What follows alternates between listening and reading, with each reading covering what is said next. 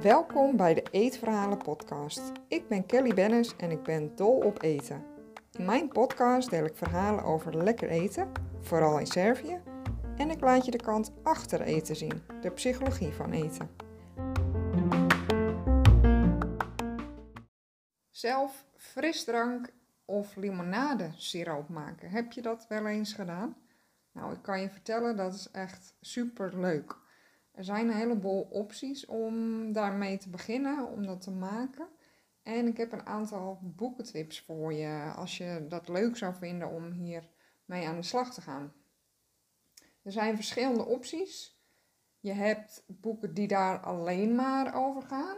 En je hebt ook boeken die ja, een heleboel andere onderwerpen hebben, maar die een aantal recepten bevatten voor bijvoorbeeld frisdrank of limonadesiroop of hè, gefermenteerde drankjes.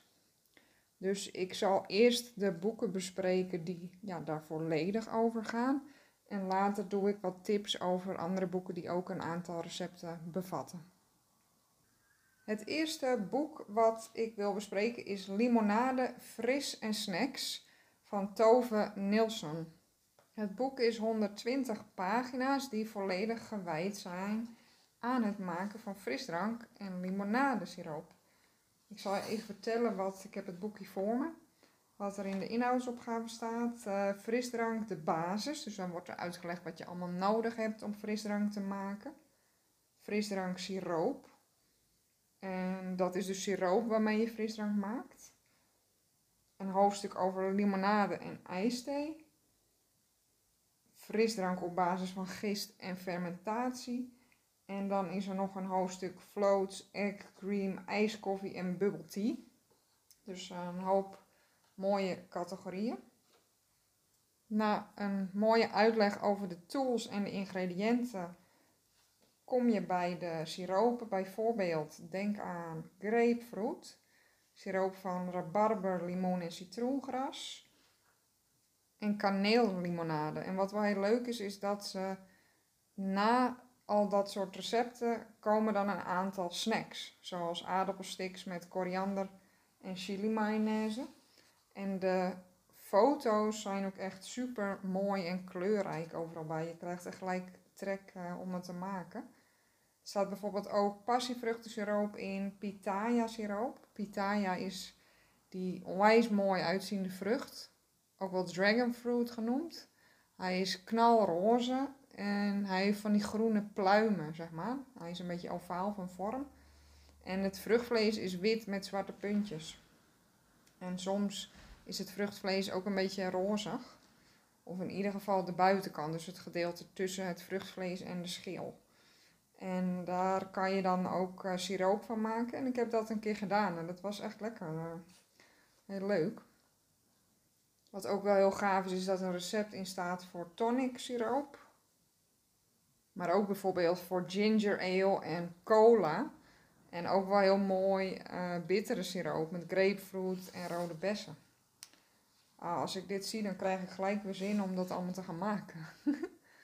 Wat ik wel heel leuk vind aan dit boek is dat er ook bijzondere siropen zijn. Dus niet bijvoorbeeld alleen citroen en dergelijke, maar ook met duindoren. En ook juist de frisdranken die je normaal gesproken koopt, dat die erin staan. Dus bijvoorbeeld zoals cola. Hoe gaaf is dat om dat een keer zelf te maken? Of tonic.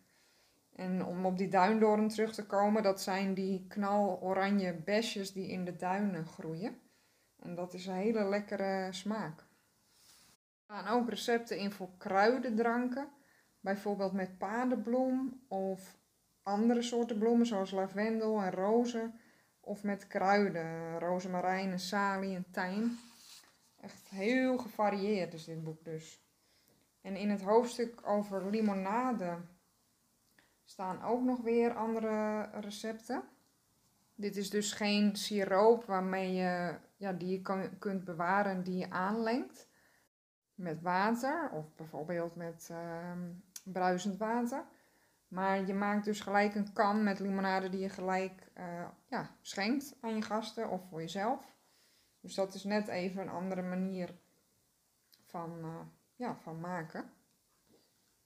Hier komen smaken langs als komkommer, van frambozen, grapefruit, zoute limonade, wel heel interessant. Vlierbessen. En er zit ook een hoofdstukje in over, of een tussenhoofdstukje eigenlijk binnen dit limonade hoofdstuk, over agua fresca uit Mexico. En daar staat bijvoorbeeld mm, tamarinde limonade in, of met mango of met cantaloupe.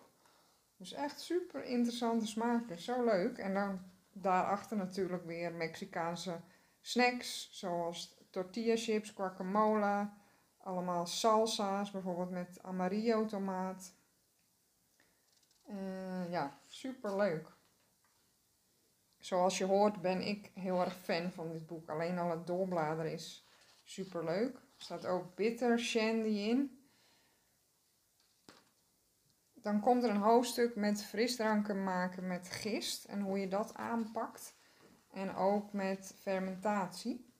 En een hoofdstuk over kombucha of kombucha in het Nederland. Dan staat er een basisrecept en hoe je die verder lekker op smaak kunt brengen. Wat, ja, wat mooie smaakmakers zijn. Bijvoorbeeld sinaasappelbloesemwater of vossenbessen of ananas met limoenschil. En ook staat er dan een heel hoofdstuk over fermentatie, hoe je bijvoorbeeld gemberbier maakt, en gazeuze van kersen. Nou, echt top. En uh, er staat ook nog vlierbloesem champagne in. Dit is eigenlijk een heel compleet boek als je een mix wilt hebben van limonadesiroop, limonade en ja, fermenteerdrankjes. Dus zowel wat uh, ja, drankjes die meteen klaar kunnen zijn, of in een paar uur, of juist in een paar dagen. Dus je kan alle kanten op ermee. Dit boek heet dus Limonade, Fris en Snacks van Tove Nielsen. Je kan alle linkjes van de boeken die ik bespreek ook terugvinden in de beschrijving van deze podcast. Dan het boek Kefir en Kombucha, 40 recepten voor gefermenteerde drankjes. En het staat niet meteen op de voorzijde, maar op de achterzijde staat het wel vermeld. Het boek is van Sebastian Landeus en Nina Lausecker. En zij komen uit het zuiden van Frankrijk en hebben een microbrouwerij. En dit boek gaat ja, eigenlijk vooral over kefir en kombucha. Het boek begint met een uitleg, allerlei dingen waar je aan kunt denken, zoals wat voor tools je nodig hebt en ja, waar eigenlijk deze drankjes vandaan komen ook. Een stukje geschiedenis, een stukje over gezondheid. Dus van ingrediënten, maar ook een stukje veiligheid. Dus bijvoorbeeld kies een plastic fles bijvoorbeeld, of waar je anders op kunt letten hè, met het ont, ontploffingsgevaar met fermentatie.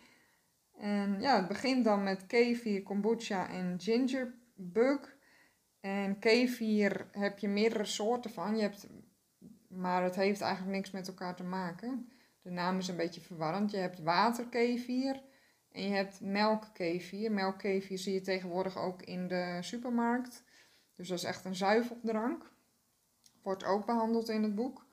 En hier gaat het over waterkefir. Dat zijn eigenlijk um, transparante ja, korrels, een beetje brokjes zijn het eigenlijk.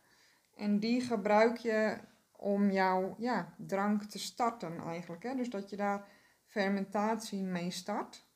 En ze hebben allerlei verschillende smaken, zoals met ja, fruit in het algemeen, hibiscus, framboos, zuurbes, sinaasappel, Libanese kefir. En dan moet je denken aan rozenblaadjes en groene anijs, wat daarin uh, zit. Dus hele bijzondere smaken. Nou, dus er staan nog veel meer smaken in. Maar het leuke aan kefir vind ik zelf, ik heb het best wel een aantal keer gemaakt, dat je daar echt oneindig veel smaakcombinaties aan kunt geven. Dat het heel ja, eenvoudig is en makkelijk. En ook, ja, het is ontzettend fascinerend om je eigen drankje te maken. En je gooit dat gewoon allemaal bij elkaar. Er zijn wel een aantal vaste dingen die je erbij moet doen. Er gaat suiker bij om de kefir te voeden. En ook bijvoorbeeld uh, wat gedroogd fruit en citroen, dat is een beetje een basis. En je kan daar dan, dan zijn er een aantal stappen met de fermentatie dat je daar de smaakmakers aan gaat toevoegen. En ja, dat is gewoon echt super leuk om te doen. Dus hier geven ze allerlei tips daarvoor en smaakcombinaties. En dan gaan ze verder met kombucha en yoon. Dat is een variant op kombucha. Kombucha wordt vaak ook een zwam genoemd, maar dat is eigenlijk geen correcte naam, want het is geen zwam. Het wordt ook wel een SCOBY genoemd in het Engels. Dat is een symbiotic colony of bacteria in yeast. Dus het bestaat uit een kolonie van bacteriën en gisten. En waterkefir is bijvoorbeeld, ja, dat lijkt daar een beetje op. Dat zijn ook gisten en melkzuurbacteriën. En ja, eigenlijk geen enkele soort is hetzelfde en het ziet er ook weer anders uit. Kombucha drijft echt als een grote plak eigenlijk op je vloeistof. En waterkefir zijn dus eh, korrels die onderin liggen, blokjes eigenlijk, en die zweven een beetje naar boven als het fermentatieproces klaar is. Kombucha wordt altijd gemaakt op, of ja, bijna altijd, op basis van thee. Er wordt ook wel met koffie gemaakt, maar dat schijnt dan weer een uh, gevorderde versie te zijn. Ik heb dat zelf nooit geprobeerd en ja, de meningen zijn daarover verdeeld, zeg maar, of dat lekker is. Ze hebben een aantal smaakcombinaties in, uh, in het boek. Ook heel interessant. Eentje met zeewier, met maté. Dat is een uh, bepaalde thee uit Argentinië, als ik het goed zeg. Uh, gemberbier hebben ze ook een heleboel recepten bij. Je begint met een gingerbeuk of gembergist wordt dat uh, ook wel genoemd in het Nederlands. En ja, dat is eigenlijk puur, je start met geraspte gember en suiker en dan ontstaat er een fermentatieproces. En zo krijg je CO2, dus bubbels in je drank. En het geeft echt uh, super lekkere smaak en je kunt dat ook weer ja, daarop voortborduren met andere smaken. Ze hebben hier bijvoorbeeld met viooltjes, met sinaasappel, hibiscus, appelrode biet komkommermunt. Dus je kan alle kanten op. En die had ik uh, zelf nog niet gezien, dat er echt varianten op ginger uh, bier of, of gemberbier eigenlijk zijn. Dus wel heel leuk dat ze dat allemaal doen. Verder staan er nog een aantal coole dranken in, zoals mede, wat ook wel fruitwijn wordt genoemd. Ik heb zelf ooit eens niet uit dit boek, maar uh, eentje gemaakt met frambozen en dat is echt super lekker. Nou spreken ze hier ook over een variant zonder alcohol. En ja, die ik met frambozen had gemaakt, ik denk dat er ook niet veel of weinig alcohol in zat. Verder hebben ze ook kwas uit Oekraïne. En daar wordt geen brood, maar rode biet gebruikt. Kwas heb je ook bijvoorbeeld in Rusland. En dan gebruiken ze dan weer brood om de fermentatie op gang te brengen. Ook staat er tepache in, wat ik een hele gave drank vind. Dat is, komt uit uh, Mexico, ook in Midden-Amerika, blijkbaar in meer landen ook, lees ik hier. En daar laten ze zien hoe je tepache maakt. En dat is wel heel leuk ook op duurzaam vlak, want je gebruikt de, ja, de schil van de ananas ook. Dus dat is heel leuk dat je niks weggooit. Verder staan er een aantal zuiveldranken in, zoals melk, kefir, lassi uit uh, India. Langviel is ook wel heel leuk, want dat heb ik uh, in Zweden ook geproefd. Dat is ook een, uh, ja, een soort yoghurtachtige drank. En verder staan er ook nog producten in met uh, granen, zoals amazake, ook Russische kwas op basis van brood dus. En ja, nog een aantal dranken. Echt super leuk dus, heel gevarieerd. Een van deze twee boeken zou ik dus zeker aanraden als jij met het zelf maken van frisdranken wilt beginnen.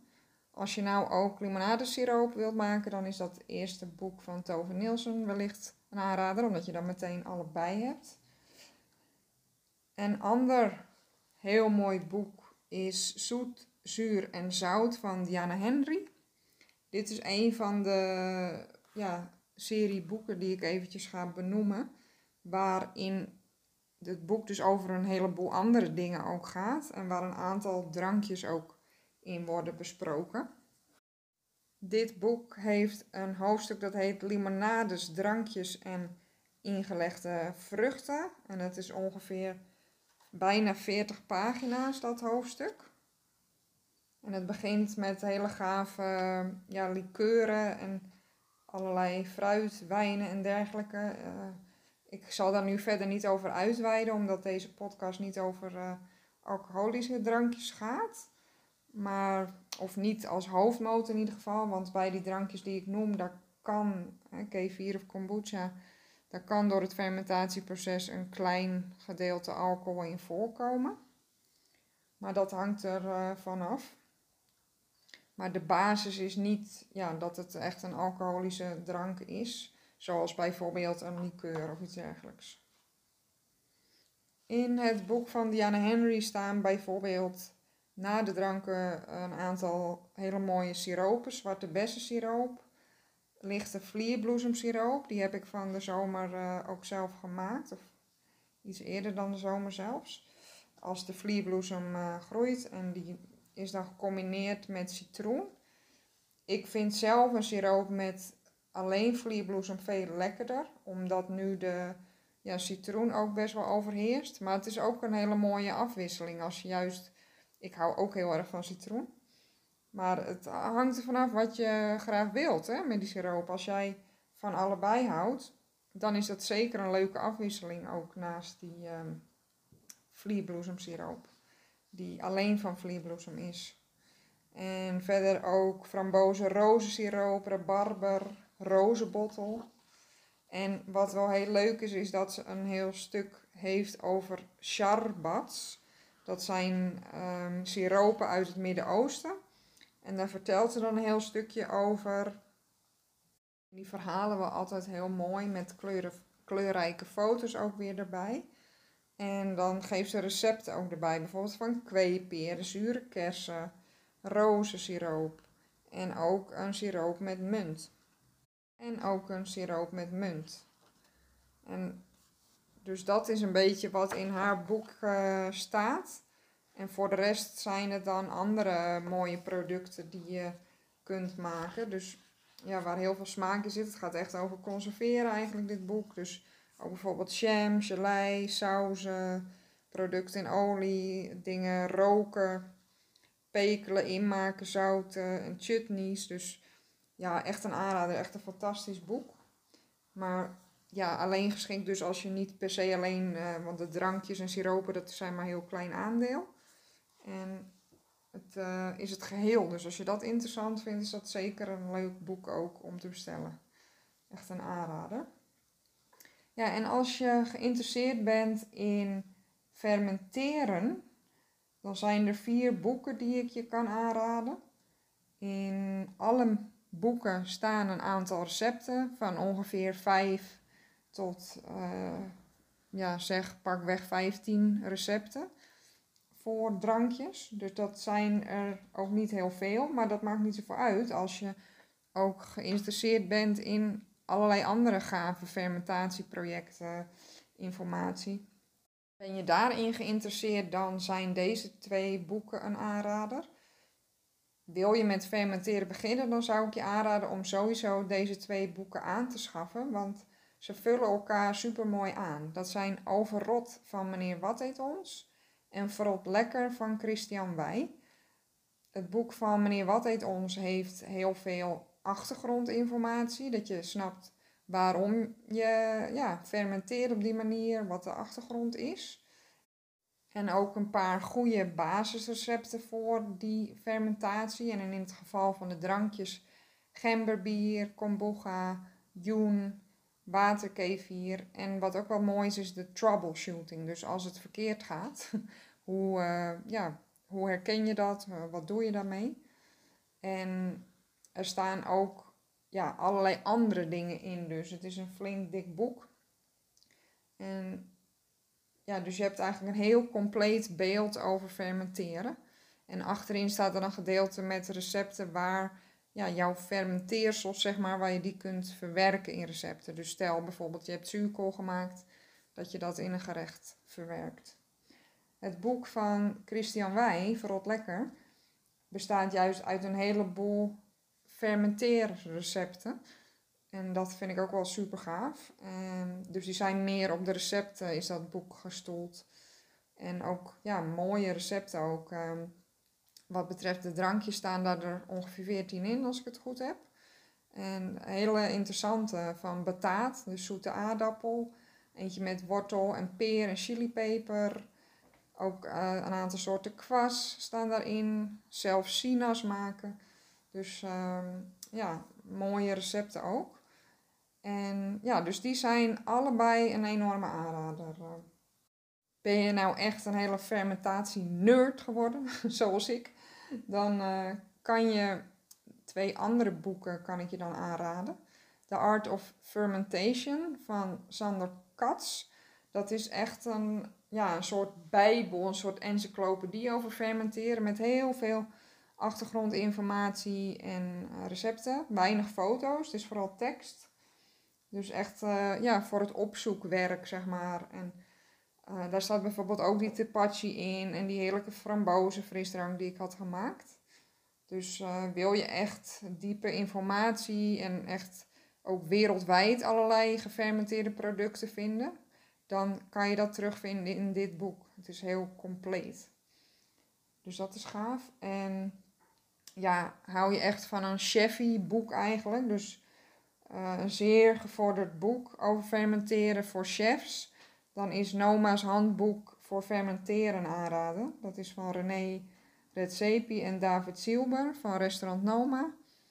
En ehm, ja, dit is wel echt een gevorderd boek, maar daar wordt heel professioneel uitgelegd. En ja, met een mooie vormgeving en typografie, illustraties ook. Hoe je ja, fermentatieproducten maakt. En er staan ook bijvoorbeeld zeven soorten kombucha weer in.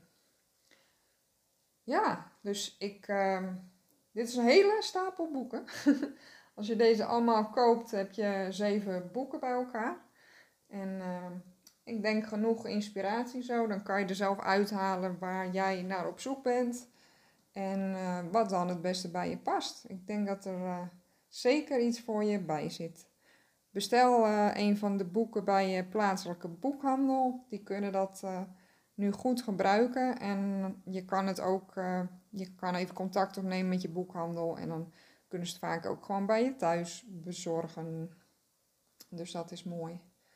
Ja, en laat het me weten als jij je eigen frisdrank of limonadesiroop hebt gemaakt naar aanleiding van deze podcast. Zou ik super leuk vinden. Tot de volgende aflevering en bedankt voor het luisteren. Ciao!